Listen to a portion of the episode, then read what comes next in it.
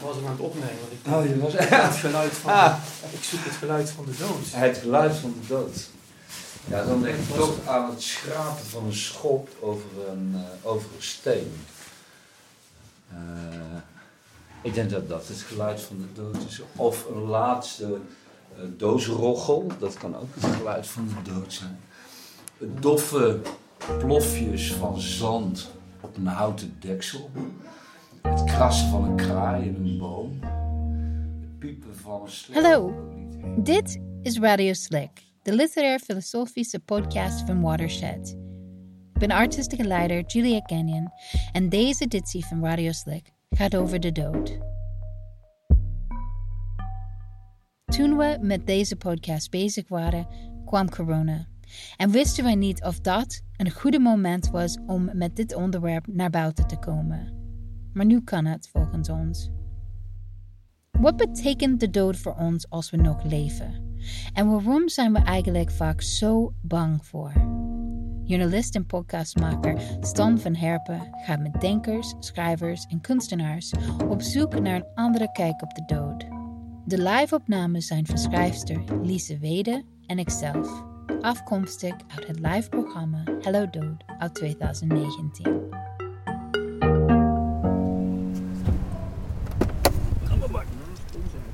In. Goedemorgen. Hey Bart. Hallo, goedemorgen. Het waait hè? Het waait. Jij weet helemaal niet waar we naartoe gaan. Je zou mij leiden naar het geluid van de dood, hè? Ja, dat klopt. Maar ik ben ooit eerder op deze plek geweest. Eén keer eerder. En terwijl ik deze podcast aan het maken was, dacht ik van nou, dit is... Ik ken geen plek waar het de dood dichterbij komt dan daar, zeg maar. Want hier hoor je hem. Hier zie je hem. Hier ruik je hem. Maar je kunt hem nog net niet voelen, zeg maar. Dus, daar gaan we naartoe. Spannend. Even kijken. Ze moeten naar België. Wat? Naar België.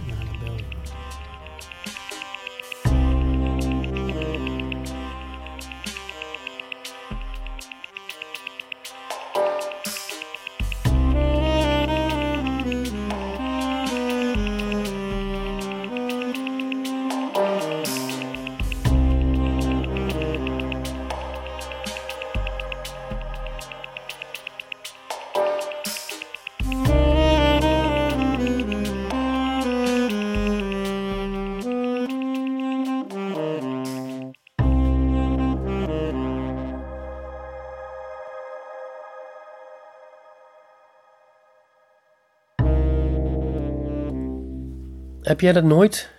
Dat je s'nachts in bed ligt en dan eh, opeens bevangen wordt door een verstikkende angst voor de dood? Dat je op welk moment dood kunt gaan? Ik dacht altijd dat het een retorische vraag was, dat iedereen dat had. Maar toen ging ik het aan mensen vragen en toen zeiden ze allemaal van dat ze het niet hadden. Ja, niet allemaal, maar de meeste. En toen dacht ik, dat is toch gek? Want vlak voordat je doodgaat zijn een heleboel mensen wel bang voor de dood. Dus dat is dan niet helemaal logisch. Ik ben soms wel bang voor de dood. En dat is meestal vlak voordat ik in slaap val. Als ik me al een beetje zo voel wegglijden. Dan is het net alsof hij me al even in de, in de, in de nek knijpt. Maar gelukkig zet de angst meestal uit. En dat is wel handig, want anders dan blijf je daar de hele dag maar rondlopen. Dat is ook niet fijn. En je kunt de dood redelijk makkelijk uitzetten, vind ik.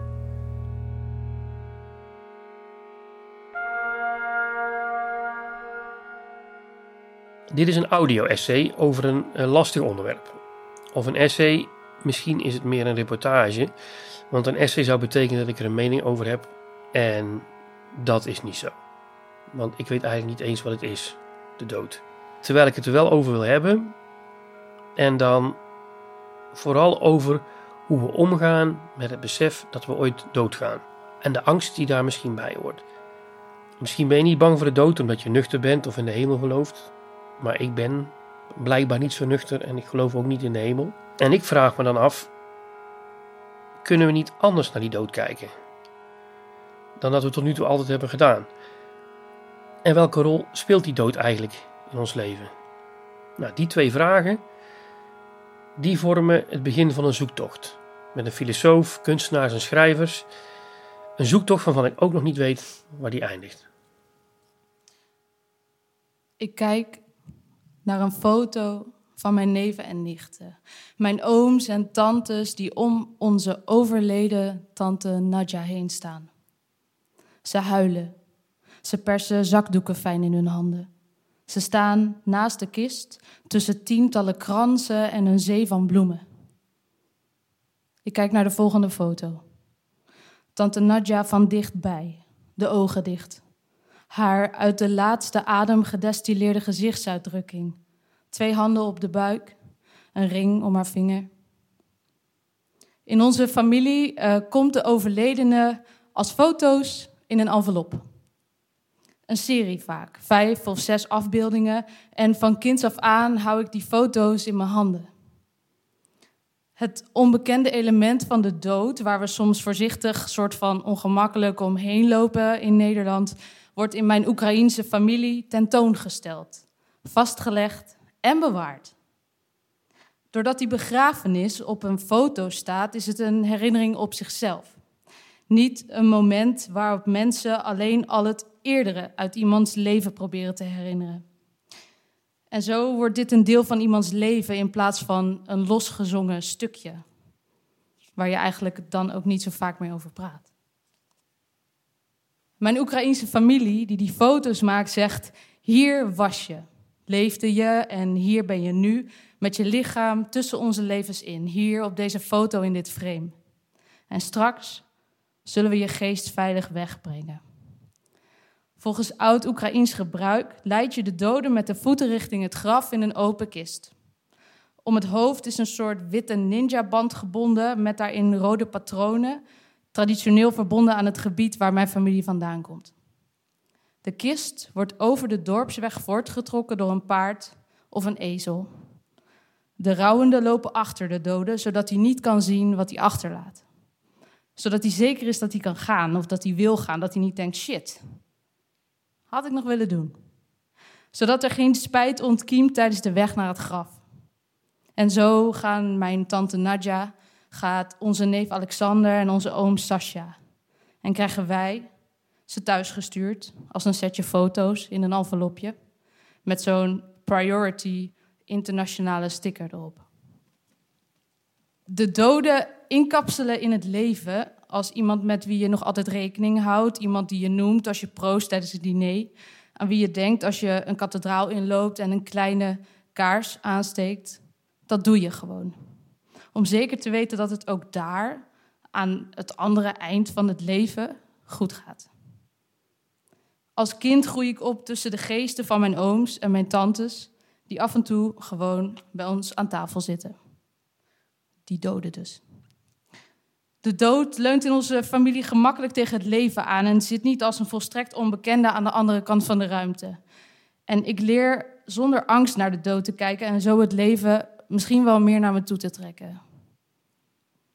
Vaak ben ik bang voor hoe we in Nederland, hier, uh, de dood soort van klein willen houden. Weg willen stoppen op het allermoeilijkst bereikbare plankje in die kast waar je eigenlijk sowieso nooit kijkt, achter de conserveblikken. En dat je er dan ook net niet bij kan. Ook niet als je zo dat trapje, weet je wel, dat klaptrapje van Ikea van 9,95. Dat je dan toch niet, snap je? Daar. Daar willen we het graag hebben. Maar door dit te doen verwijderen we, denk ik, ons besef van sterfelijkheid en ontwikkelen we een blinde vlek voor gruwelijkheid in het leven en het vermogen om naar die gruwelijkheid te durven kijken.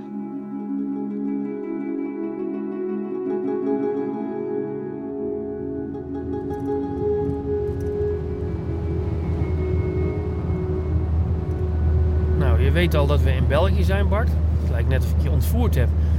En ik breng jou naar de Verbeke Foundation. En dat vind ik een van de meest bijzondere kunstplekken van ja, Belgische wegen, van Europa. Het is eh, grotendeels eigenlijk een soort openlucht beeldende kunstmuseum. Opgericht door meneer Verbeke. Dat was ooit een hele. Die had ooit een heel groot transportbedrijf. Met heel veel vrachtwagens. Daar is hij eh, aardig rijk van geworden. Is gestopt. Had geld. Had een groot terrein waar die vrachtwagens ooit stonden. Vlakbij snelweg. En, daar is het, en hij was een groot liefhebber van kunst. En daar is hij een, eh, ja, een soort kunstenpark begonnen. Met allemaal moderne kunst. Veel kunst ook die met vergankelijkheid te maken heeft. Niet iedereen vindt het leuk om daarheen te gaan. Er hangt ook een soort tristesse over dat terrein. Ik vind het fantastisch, want je valt van de ene verbazing in de andere. En ze hebben daar ook een overdekt deel. En het kunstwerk wat ik jou wil laten zien, dat staat direct bij de ingang.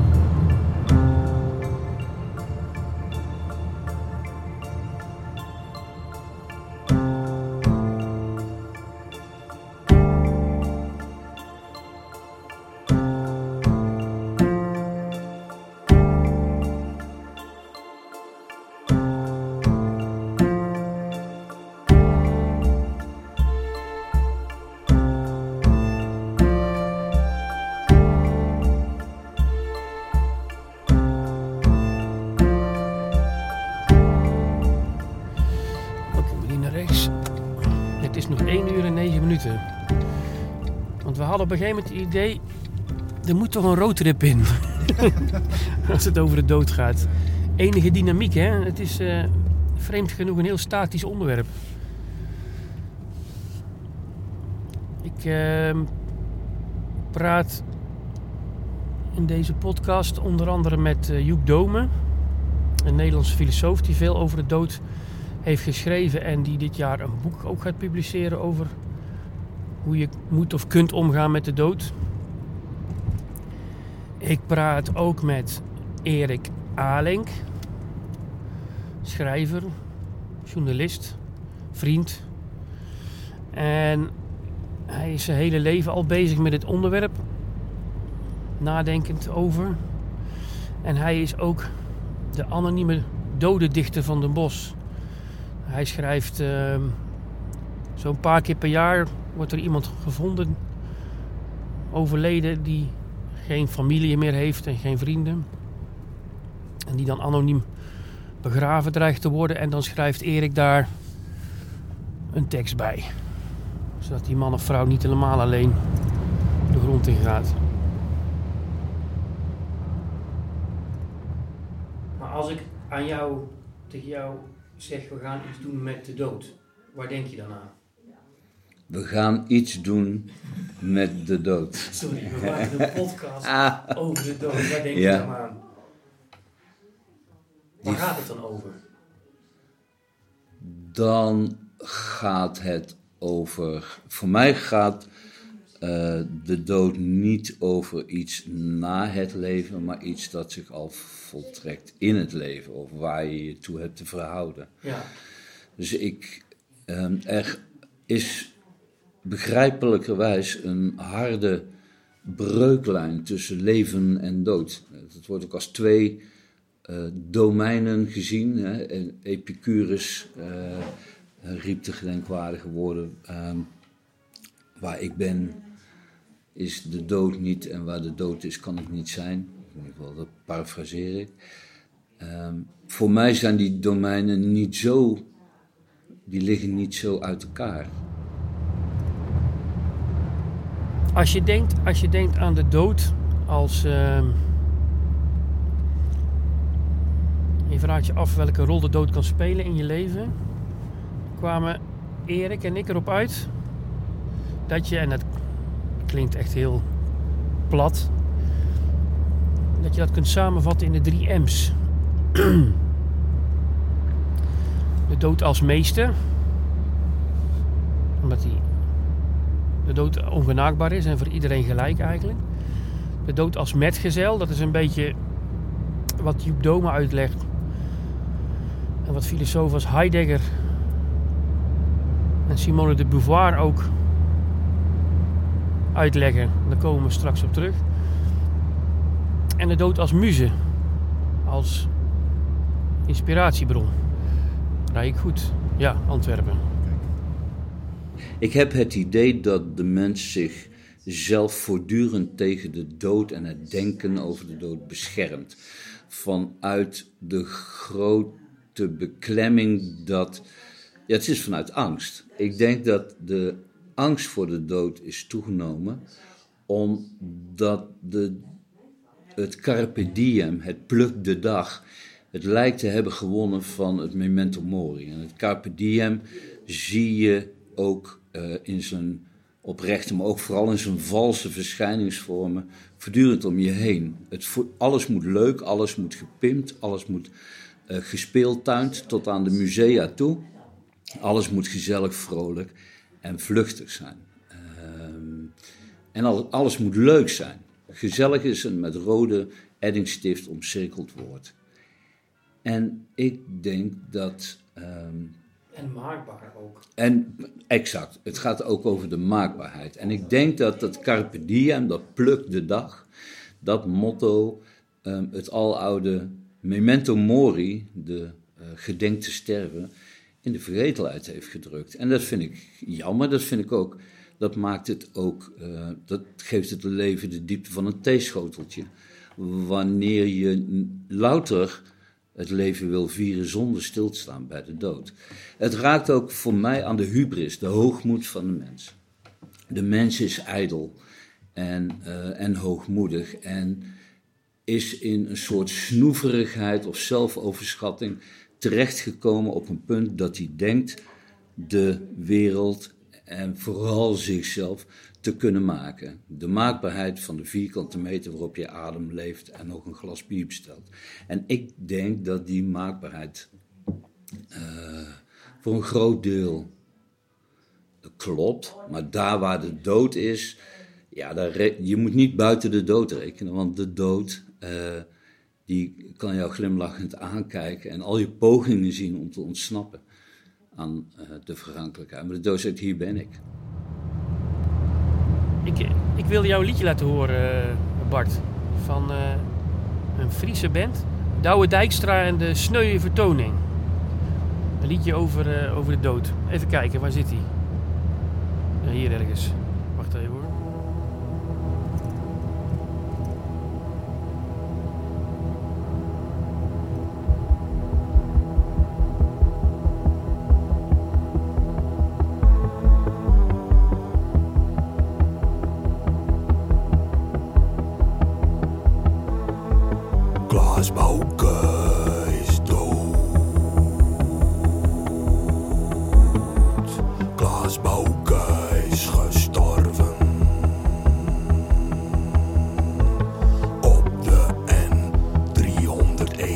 Is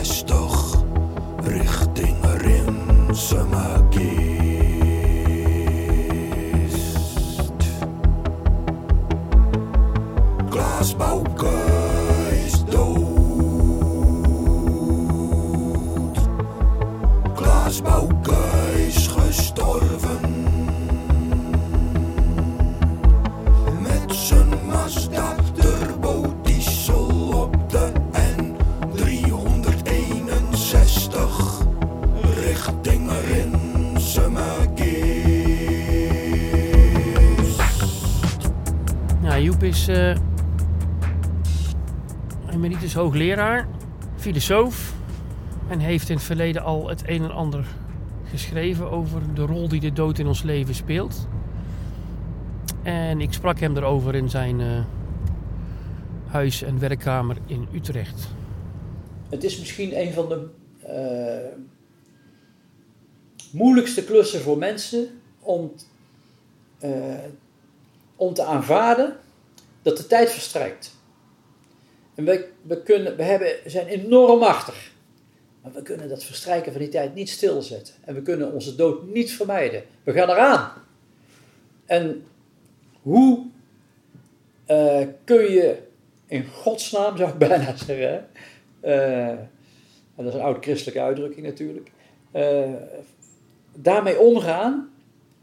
En we proberen van alles uit om die tijd stil te zetten. We planten een boom, we schrijven een boek, we houden een verhaal, we komen op de televisie, we willen beroemd zijn. En je zou het allemaal kunnen zien als doodsangst. Als, als het eh, eh, proberen om even die tijd stil te zetten in de hoop dat we er blijven, dat we erbij mogen zijn.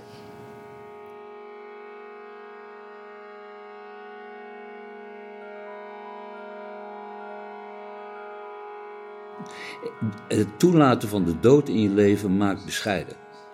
En uh, stelt grenzen aan uh, het ik dat zich grenzeloos waant. Zeker in deze tijd, waarin het ik voortdurend uh, zichzelf kan laten horen en zien. Ook bij gratie van social media. En is dat verstandig om, om die bescheidenheid te omarmen? Of is dat iets wat je gelukkiger maakt? Ik denk dat het diep gelukkig maakt. En het lukt mij heel vaak niet om die bescheidenheid te, te, te omhelzen, omdat er te veel uh, sterfelijke verleidingen zijn. En, uh, en, maar wanneer het me lukt, dan word ik, daar word ik wel echt blij van. Wanneer ik mijn eigen kruimeligheid inzie. Het is voortdurend de schaalsprong die we maken tussen aan de ene kant onszelf klein, nietig en wormstekig voelen. En aan de andere kant onszelf tot uh, het centrum van, van de kosmos uh, wanen, de Homo Deus.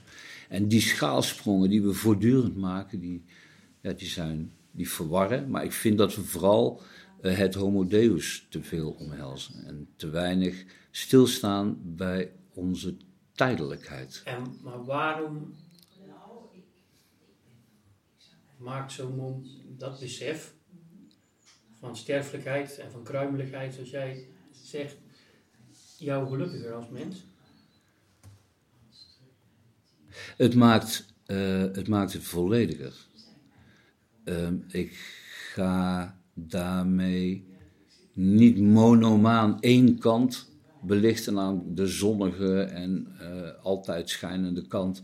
Ik sta dan ook stil bij ja, mijn tijdelijkheid. En het klinkt bijna botsend met de aard van de mens, maar stilstaan bij tijdelijkheid, het geeft mij vreugde. Ja, dat klinkt heel, heel paradoxaal. Ja, en, maar dat is wel zo. Ja. Um, ik moet er niet aan denken uh, om, zoals de hoofdpersoon uit Niemand is onsterfelijk van Simone de Beauvoir. Die man is 700 jaar oud in dat boek. Moet er niet aan denken dat ik niet doodga en anderen om mij heen wel. Omdat de dood, en dat is een van de charmes van de dood, de dood verplicht je om keuzes te maken en ook om uh, wijzer te worden van je daden. Als er geen dood was, dan zouden wij in een lusteloze, lammelauwe lethargie terechtkomen. Want dan is niets meer van urgentie. Dan is er geen brandende noodzaak om iets nu te doen, omdat het anders zou kunnen verglijden. Nee, dan kun je tegen jezelf zeggen: uh, ach, weet je, laat nou maar zitten, ik doe het over 315 jaar wel. Want ik ga toch niet dood. Dus de dood is ook onmisbaar om de scherpte van het leven te voelen en om, om keuzes te maken. Ik denk dat onze dood een functie heeft. Want zonder doodsbesef geen scheppingsdrang.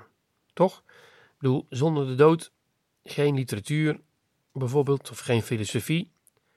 Volgens de Romeinse filosoof Seneca is de hele filosofie zelfs één grote oefening in doodgaan. Ja, dat is allemaal leuk op macroniveau. Maar het enige wat ik wil doen als ik bang ben, is die dood parkeren. Helemaal achteraan in het keukenkastje, zoals schrijfster Lisa Weda dat zo mooi omschrijft. Door gewoon aan iets anders te denken. Maar dat schijn je nou net weer niet te moeten doen, zeggen filosofen en psychologen. De bekende psychiater en romanschrijver Irvin Yalom schreef er een boek over dat heet Tegen de zon inkijken. Hij zegt dat door jezelf voortdurend te confronteren met je sterfelijkheid, je leven juist zin krijgt, diepte geeft. Het is eigenlijk een soort stok achter de deur. Het helpt dan wel als je voor jouw gevoel zoveel mogelijk uit het leven haalt. Hoe meer tevreden je bent over het leven dat je leidt, hoe minder bang je schijnt te zijn voor de dood. En er is niemand die dat zo mooi opschrijft als Tolstoy. De dood breekt het lichaam af. Zoals de stijgerconstructie wordt afgebroken als een gebouw gereed is. En hij, wiens gebouw overeind staat, verheugt zich op het afbreken van de stijgers.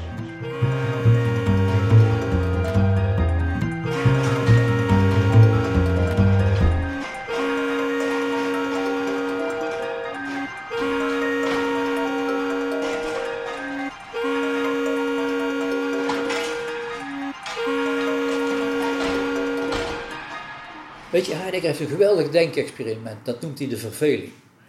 Hij zegt, De verveling, hè? de verveling. Ja. De verveling is het meest fundamentele, de meest fundamentele beleving van de tijd.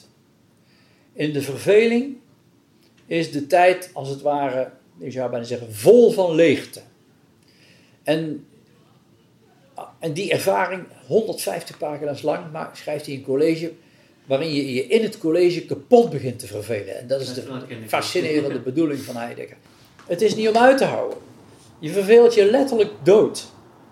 En dan zegt hij, dan ben je eigenlijk gewoon, je moet dus eerst die totale leegte ervaren, om van daaruit te komen tot iets van een nieuw begin, van zo wil ik leven. Je moet entschlossen, zegt hij dan, vastbesloten raken om iets te gaan doen, om dat, dat te gaan doen. Eh, die, door, die, door die verveling probeert hij eigenlijk te laten zien dat wij twee dingen. Dat aan de ene kant is het een fundamentele ervaring die je nodig hebt om überhaupt je te realiseren wat in de tijd zijn betekent. En aan de andere kant zegt hij dat onze tijd de meest verveelde tijd van alle tijden is, omdat wij eh, niet onze eindigheid niet eens onder ogen durven te zien, maar het alsmaar dichtgooien met belevenis. Ja. Even teruggrijpen nog op Heidegger, want je Ja. begon, Ja, eh, je, je, je betoog over Heidegger met die beroemde uitspraak van hem die ik nu niet kan herhalen. ja. Eh, Toden, zijn methode. wat bedoelde hij daar dan mee? Dat betekent dat wij mensen als eindigen we- weten dat we eindig zijn. Dat we gericht zijn op de dood. En dat we dus ook vooruitlopen als eh, Augustinus. Hè, we kunnen in, als, als temporele wezens die, eh, die als het ware eh, op het zadel van de tijd zitten en, te- en de hele tijd dus achteruit en vooruit kijken. Heidegger zegt, wij lopen vooruit op de dood, dus wij weten dat we doodgaan. Dus wij moeten die, onze tijd van leven op onze eigen, eigenlijke manier, op de meest authentieke manier, zien vorm te geven. Hij ziet dat doodsbesef als iets positiefs, hè? Ja. Ja. Eigenlijk, ja, maar, eh, maar dat moet je opvatten inderdaad als het eindigheidspathos. Hè? Als, het, als het, het idee dat wij eh, weten dat we eindige wezens zijn die doodgaan.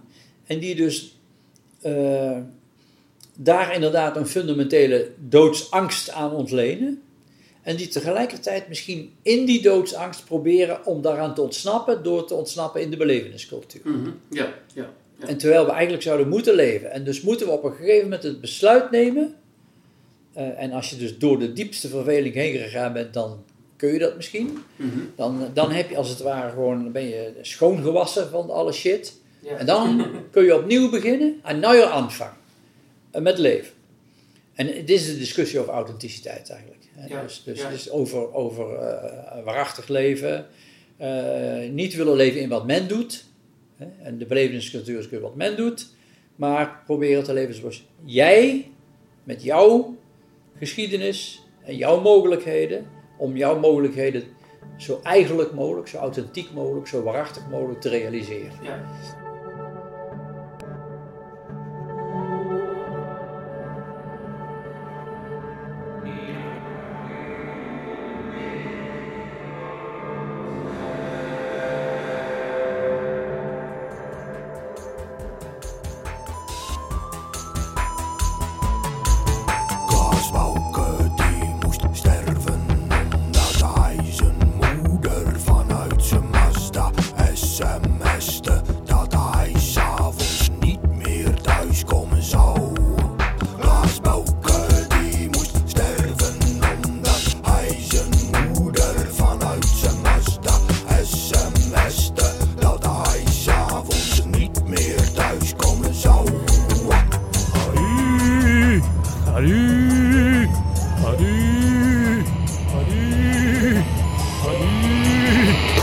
Is natuurlijk wel handig dat we die dood vaak zo makkelijk kunnen uitzetten. Maar eigenlijk is het ook best gek, want de kans dat je doodgaat plotseling bestaat de hele tijd. Maar als je dan er de hele tijd aan zou denken, dan zou je geen leven meer hebben.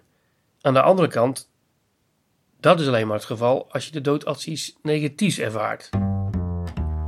Als de dood iets goeds zou zijn, of iets spannends, of iets leuks, dan zou je niet omheen hoeven te lopen. Ik bedoel, als we er dan toch niks van weten van die dood, dan zou ik ook wel eens willen kijken of we die dood niet wat vrolijker, wat lichter tegemoet kunnen treden. Zoals Kevin Thomas, die de muziek voor deze podcast componeerde en daarvoor een heus botorkest uitnodigde.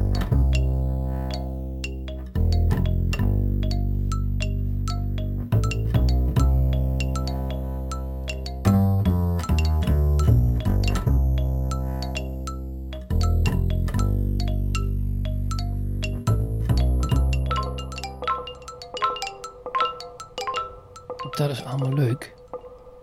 Maar voor veel mensen, ook voor mij, is het besef dat je ooit doodgaat beangstigend.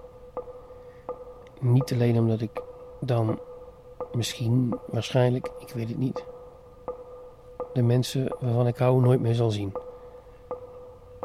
Dat vind ik niet beangstigend. Dat vind ik niet eng. Dat is meer verdrietig. Maar wat ik echt bang voor ben, is het grote niets dat me aanstaart. En dat voel ik het sterkst s'nachts. In bed, zoals nu. Want het is nu drie uur s'nachts. En het is echt stil. En ik hoop dat er zo een merel gaat zingen.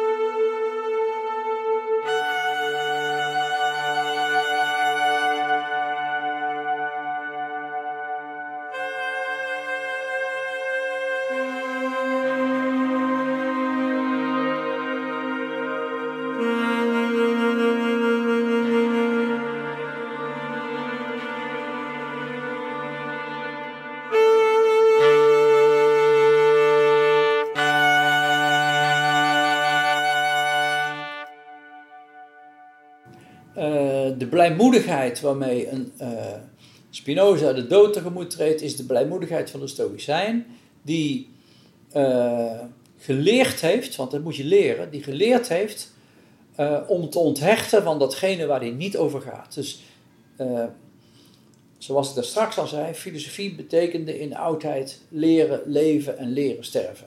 En voor de Stoïcijnen is het zo, je moet je onthechten van datgene waar je niet over gaat. En je gaat er niet over dat je eh, doodgaat. Dat is, eh, je bent een natuurwezen en je wordt aan de natuur teruggegeven. Eh, en alle boeken van de Stoïcijnen, daar lees je voortdurend in. Als je kind sterft, niet treuren, het is teruggegeven aan de natuur, waar het thuis hoort. Wij zijn door de natuur aan het leven gegeven en het leven geeft ons terug aan de natuur. En daar moet je heel blijmoedig mee omgaan.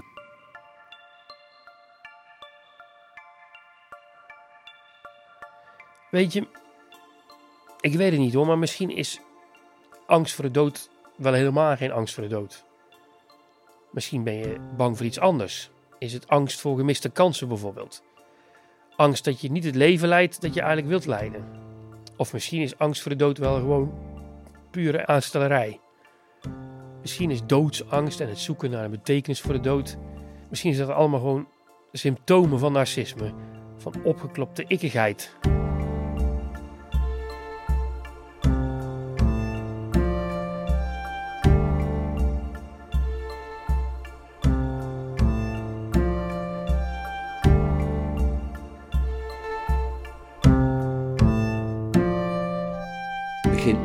Enkele ideologie of wereldbeschouwing of religie is in staat om een volmaakte gerechtigheid te creëren. Het enige die dat kan, dat dat kan, is de dood. Ja. En daarom hou ik als. eh, als eh, want, want ik heb een fobie voor onrecht. En, en dat, ja, dan, dan komt er heel veel woede in me los en blauwzuur en vitriol gaat klotsen. Eh, misschien is het daarom dat ik, nee niet misschien, het is een van de, eh, een van de pijlers waarop mijn vertrouwdheid of liefde voor de dood stoelt. Het is dat het gewoon gerechtigheid brengt. Ik bedoel de gerechtigheid dat niemand zich boven de dood kan stellen, dat niemand eraan kan ontsnappen omdat hij geprivilegeerd is, of rijk, of een goed of een slecht mens, of ongeacht jouw levensloop, eh, ongeacht ehm, ja, je, ja, je bevoorrechte staat of je huidskleur, of je man of vrouw bent. Uiteindelijk is er maar één, als we het over het egaliteitsbeginsel hebben eh, van de verlichting, dan is de dood de enige die dat waar kan maken. Hier. Dit is de Verbeke Foundation. Met die grote McDonald's M. En dat oude treinstel. En die groene vaas. En heb ik nou een afslag gemist? Fuck.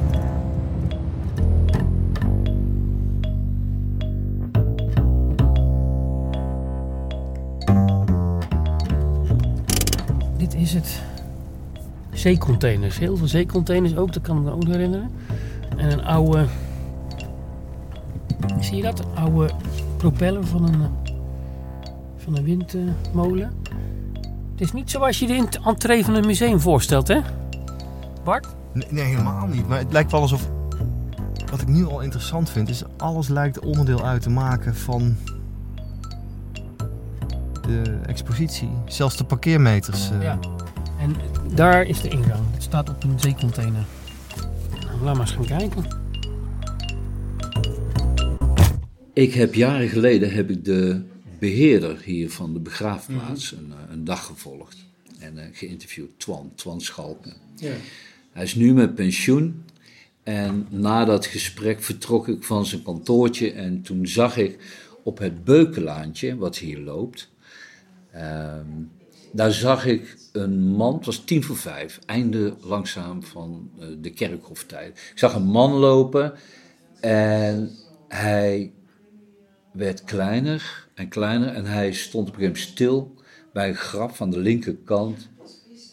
Keek even, liep weer verder en toen dacht ik, leven is langzaam leren verdwijnen. Maar wel onder de conditie dat je eerst gezien bent. Want wie bij leven niet gezien is, ja, die sterft smartelijk. Dus ik vind leven is langzaam leren verdwijnen, maar wel nadat je gezien bent.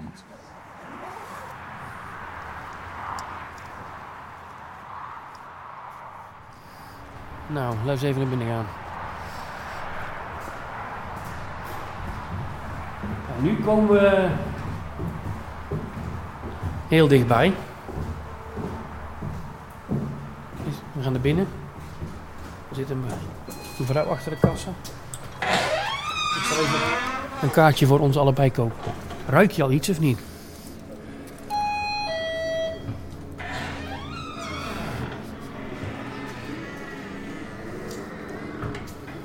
Zul je altijd zien. In mijn geheugen was het hier. Maar hier is het niet meer. Dus misschien moeten we moeten even gaan zoeken. Heb je de opstelling veranderd? Nee. Ja. Kijk. Zie je het of niet? Ik zie hier een paar glazen boksen met, een, met lichaamsdelen van... Is het de koe? Een koe. Denk ik. In ieder geval een soort rund. Rundenkop. Met waar... Gadverdamme. Waar allemaal vocht uitloopt. Ja, dit is volgens mij, was dit ooit één grote koe. Waarvan nou wel best wel veel is vergaan. Hier ligt zijn poot met nog een stuk hoef. Het is gewoon bijna pap aan het... Het, het is gewoon pap geworden. Met, met een soort van jus aan, aan lichaams... het is inderdaad heel erg ranzig, eh, Stan. Ruik jij, ruik jij iets of niet? Ja, ik, ik ruik een soort onbestemde wegen, muffe, schimmelachtige lucht. Dit was de staart, zie je dat? Maar dit is niet de reden wat dit kunstwerk zo bijzonder maakt. Dit is het, het sensationele deel. Nou, de rest is eigenlijk ook wel sensationeel. Dat wil ik je even laten zien. Wat, wat het kunstwerk in mijn optiek zo bijzonder maakt, is de verzameling van voorheen levende materie ehm, op sterk water. Van allerlei dieren, van lichaamsdelen van mensen. Die in dus een 1, 2, 3, 4, 5, 6, het zijn tientallen 5 meter hoge ijzeren stalen archiefkasten staan opgeslagen. Sommige op sterk water, andere in plastic glazen luchtdichte dozen. En ik meen me herinneren dat er ook foetussen op sterk water staan. Daar heb je ook nog kasten. Daar is een paardenhoofd. Maar wat het bijzonder maakt ook, en dan loop ik even mee met je naartoe naar die pakiet hier. Wat Van der Boogaard ook gedaan heeft, uit den Boogaard, wat uit den Boogaard ook gedaan heeft, hij heeft een aantal voorheen levende wezens, maar dan zet ik het woordje voorheen toch voorzichtig tussen aanhalingstekens misschien, die heeft hij in zo'n plexiglazen box gelegd. En hier kijken we naar een parkiet. En hij heeft in die parkiet heeft hij twee elektrodes gestopt. Daar zitten draadjes aan. Die gaan naar een apparaat. En dit apparaat genereert die energie die blijkbaar uit die parkiet komt, of blijkbaar die uit die parkiet komt, naar een computer. Die zet hem dan om in het geluid. Dus wat je nu hoort is het geluid van een dooi. En zo ligt er ook iets aan. Hier ligt een.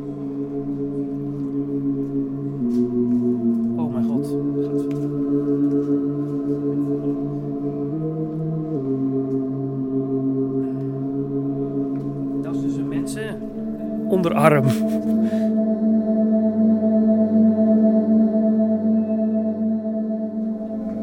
Waar komt het vandaan?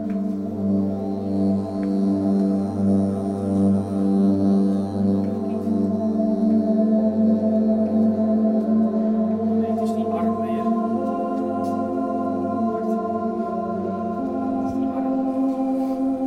Ik vind het wel weer bijzonder dat die de eigenlijk arm- het meest eh, muzikaal is. eh. Nou, die arm is dit hoor. Ja.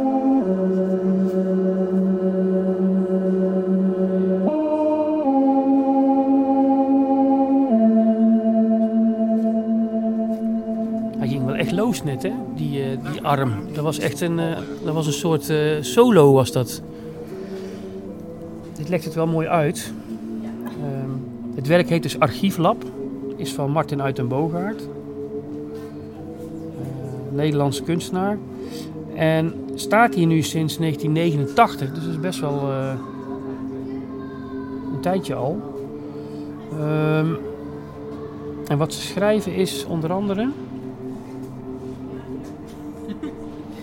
Even though the carcasses produce low levels of energy, it is still a powerful symbol su- suggesting the idea that life and death are not opposite states, but actually interact in a very complex way.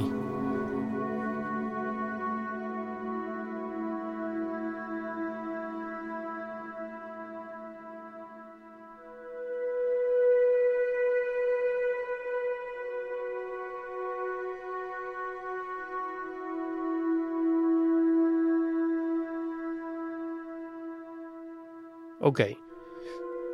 Als je kiest voor de empirie en vertrouwt op je zintuigen, dan lijkt de dood simpelweg het einde. Kijk maar, er is geen ademhaling meer, geen hersenactiviteit en je begint al te stinken. Als je vertrouwt op de ratio, kun je volgens mij twee kanten op. Er is niets na de dood, zeggen dan sommigen. Of ik weet niets over de dood. Epicurus, die kun je er volgen en vaststellen dat de dood en leven twee absolute en onverenigbare tegenpolen zijn. Als de dood er is, ben ik er niet. En als ik er ben, is de dood er niet. Super rationeel. Maar dat voelt voor mij toch een beetje als een woordspelletje. En ik ben ook iemand die niet denkt dat we dankzij de wetenschap, dankzij de ratio, bijna alles al weten. Ik denk eerder dat we nog heel weinig weten, juist over die meest fundamentele zaken van ons leven. Dus ik haak liever aan bij die tweede. Ik weet niets. Of zoals ik ook wel eens denk, de dood is ook maar een concept. Maar dat is dan ook weer niet zo geruststellend. Want hoe moet je dan verder? Hoe definieer je dood als je de empirie loslaat en de ratio loslaat? En waar vind je dan houvast? Dat is een beetje als zeilen zonder water. En toen dacht ik, als de ratio, als je daar dan niks aan hebt en je hebt aan empirie ook niks, moet je dan misschien niet gewoon te raden gaan bij de verbeelding. Misschien is een simpele metafoor al genoeg om de dood een plek te geven. En dan niet te zwaar graag, niet te zwartgallig. Zoiets als de smaak van water of zo. Of een engel van rijkspapier. En dan denk ik, is de dood een punt? Of is de dood een lijn? Maar wat er dan gebeurt, is dat die, die alternatieve metaforen, die, uh, die verdwijnen dan weer. En dan vult mijn hoofd zich al snel meer met zwart, met rotting, met doodskisten, met de geur van wierook, al die andere clichés, al die, al, die, die meer die deprimerende metaforen die we dan vaak bij de, bij de dood hebben. Alsof het woord dood een soort ultiem vacuüm is, waarnaast invulling ook voor de leegte zelf geen plek is. En toch blijft soms een hoopvolle metafoor wat langer hangen. Dan krijgt de angst voor het onbestemde toch een vorm of een gezicht. Met een metafoor. Ik zag een keer een jongen lopen op Lowlands en die had een t-shirt aan. En op zijn t-shirt stond de tekst God is sound. En toen dacht ik, oké, dat is een goeie. Dan keer ik wel terug als een geluidje.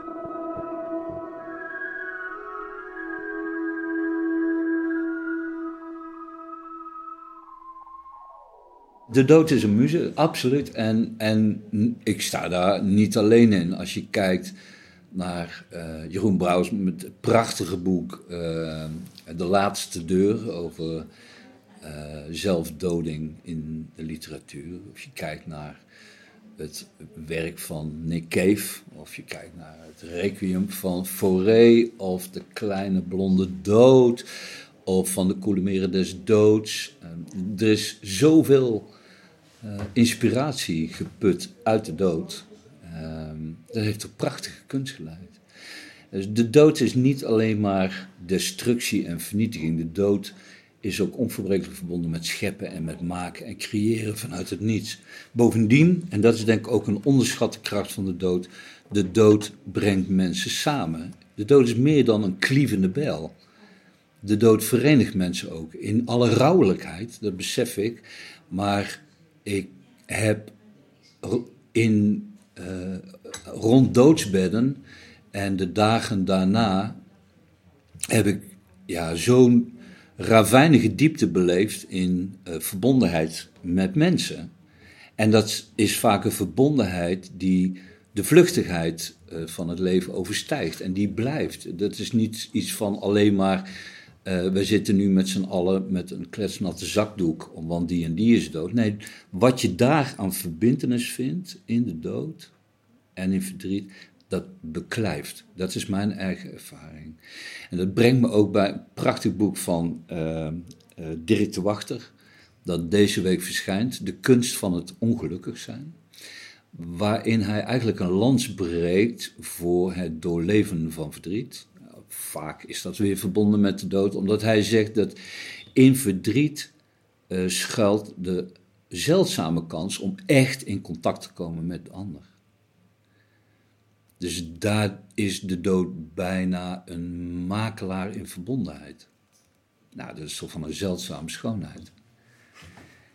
Die zin of het feit dat... dat no, nee, nee, dat de, dat de Wachter uh, daar nog eens fijntjes op wijst. En ik ben het hardgrondig met hem eens. Ja. ja.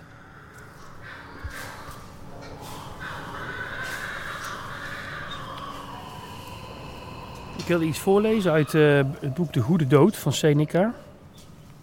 En Seneca was iemand die, ehm, die eigenlijk op een hele lichtvoetige manier met de dood omging.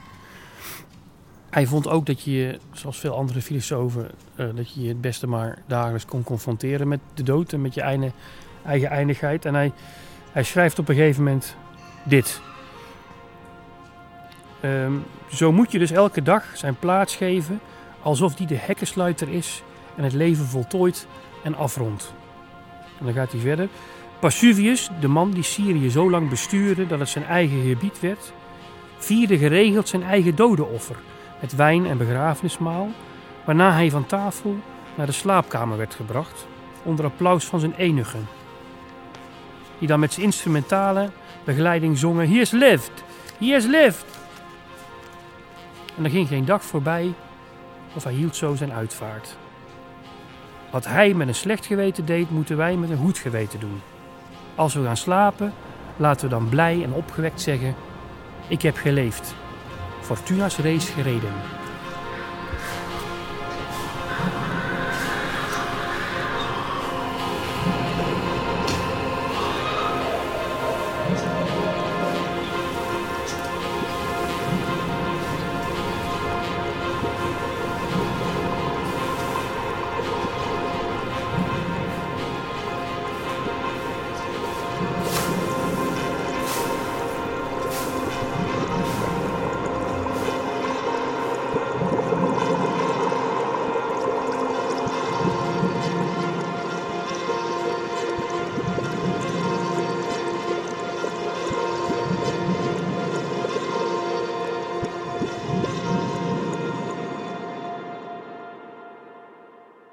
De, volheid van het leven is volkomen eh, doordrenkt van de eindigheid. En dat is maar goed ook, zou de Beauvoir zeggen, want het bekende verhaal, als we onsterfelijk zouden zijn, dan zou er dus geen nu en dan zijn, dan zou er geen tijd zijn en dan zou, dan zou ik er niet zijn. Ik kan alleen maar zijn wie ik ben dankzij de eindigheid.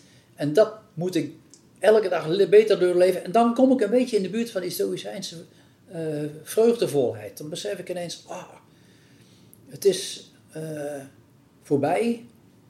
Maar dat is niet erg, want nu komt er weer iets nieuws. We've realized through this process that the Grim Reaper has a PR problem. She's always seen as the party pooper, the darkness, the end. She's never invited willingly. We avoid her crossing the street our entire lives. And she's never raised in polite company, aside from being relegated to taxes as the only other constant. And there are only two moments where she's in the room and we can talk openly about her. That's at the hour of our own death and that of loved ones. And that's no moment to meet anyone, especially death. She needs a better introduction. She needs to be with us from the beginning. But we're ashamed of her. How she makes us look, how she makes us feel, how she leads us into the unknown. How she tempts us with the idea of everything we could have been and we're not. And there are a number of tropes that we wrestle with when we talk about death. And one of the biggest and most damaging, I think, is that death is not about us. That our story is about those who are left behind. And maybe being dead isn't about us, but mortality is. And this is where death's bad PR problem really gets started. So the question is do we make death our muse or do we hold her out until the bitter end and let her work her magic then? We wait till the last weeks of our lives to have our faces be seen. Share our sorrows, share our sorrows, deal with our shit honestly, but wait until the last minutes. Or we could say to her, Death, Let's do this today at 14, 25, 37, 43, 56, 65, 72, 84, 90. Let's do this and keep going. Show me what you have in your hand. Let me see the abyss. Take me to its edge, not because I want to self destruct, but because I can recognize death as the birth of a process. And I'm not sure what it is, but I am willing to look at it with you. Ik wilde het hebben over onze sterfelijkheid. Oftewel, hoe gaan we om tijdens ons leven met het eh, feit eh, dat we doodgaan. En daar loopt de jongen met de zeis. Het, dat verzin je niet. hij komt net bij. Hij komt hier zo voorbij. What the fuck? We moeten even met hem gaan praten dadelijk, denk ik. Ik vertrouw hem nu al niet. Mag ik jou wat vragen?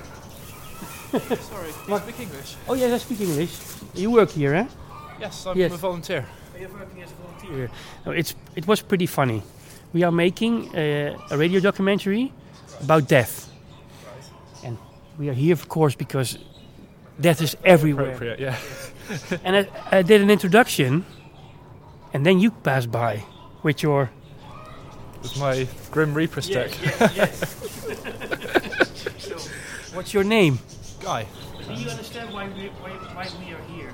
We make a radio documentary about death or not? Well, yeah, there's a make lot of the number of dead things in this place. Yeah, there's a lot bit dead of a, a lot of dead things. Yeah. I think there's a little bit of an obsession going on there. Yes, there's a bit of obsession going on. and, and, and how, how long are you working here now as a, as a volunteer?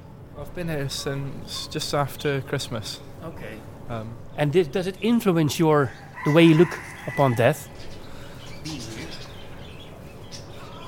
well, yeah, I guess it does because it's not something I'd really given that much thought to before I came here, to be honest. Because I'm, I'm not that old and I hadn't had any reason to think about it. Twenty. But no, especially seeing all the decaying stuff over in the, over in the main hall. Yeah. That particularly, it makes you think about it. Yeah. And Did you come up with, with a conclusion already? No. Did it make you feel like um, more concerned about death or less concerned about death? less concerned about death. I don't. I don't think it's. It's not a scary thing to see the decomposing bodies. I don't think it's. It's more interesting. It's more like matter of fact. Yeah. It's sort of. Um, it's less abstract Yeah. in a way Yeah. to see to see the physical process rather than thinking about it from any philosophical point of view. It's good to just see it.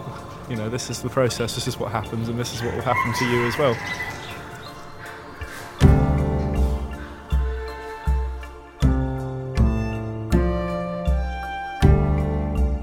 Dit was Hallo Dood, een editie in de podcastserie Radio Slik van literaire organisatie Watershed. Productie en geluid Bart Vermeulen, muziek Kevin Thomas, samenstelling Stan van Herpen, dat ben ik. En eh, vergeet niet ons te liken en luister ook eens naar onze andere podcastserie 3 uur s'nachts over al het goeds dat de leugen ons brengt. Radio Slik wordt mede mogelijk gemaakt door Stichting Cultuur Eindhoven en het Nederlands Letterenfonds. Waarvoor dank.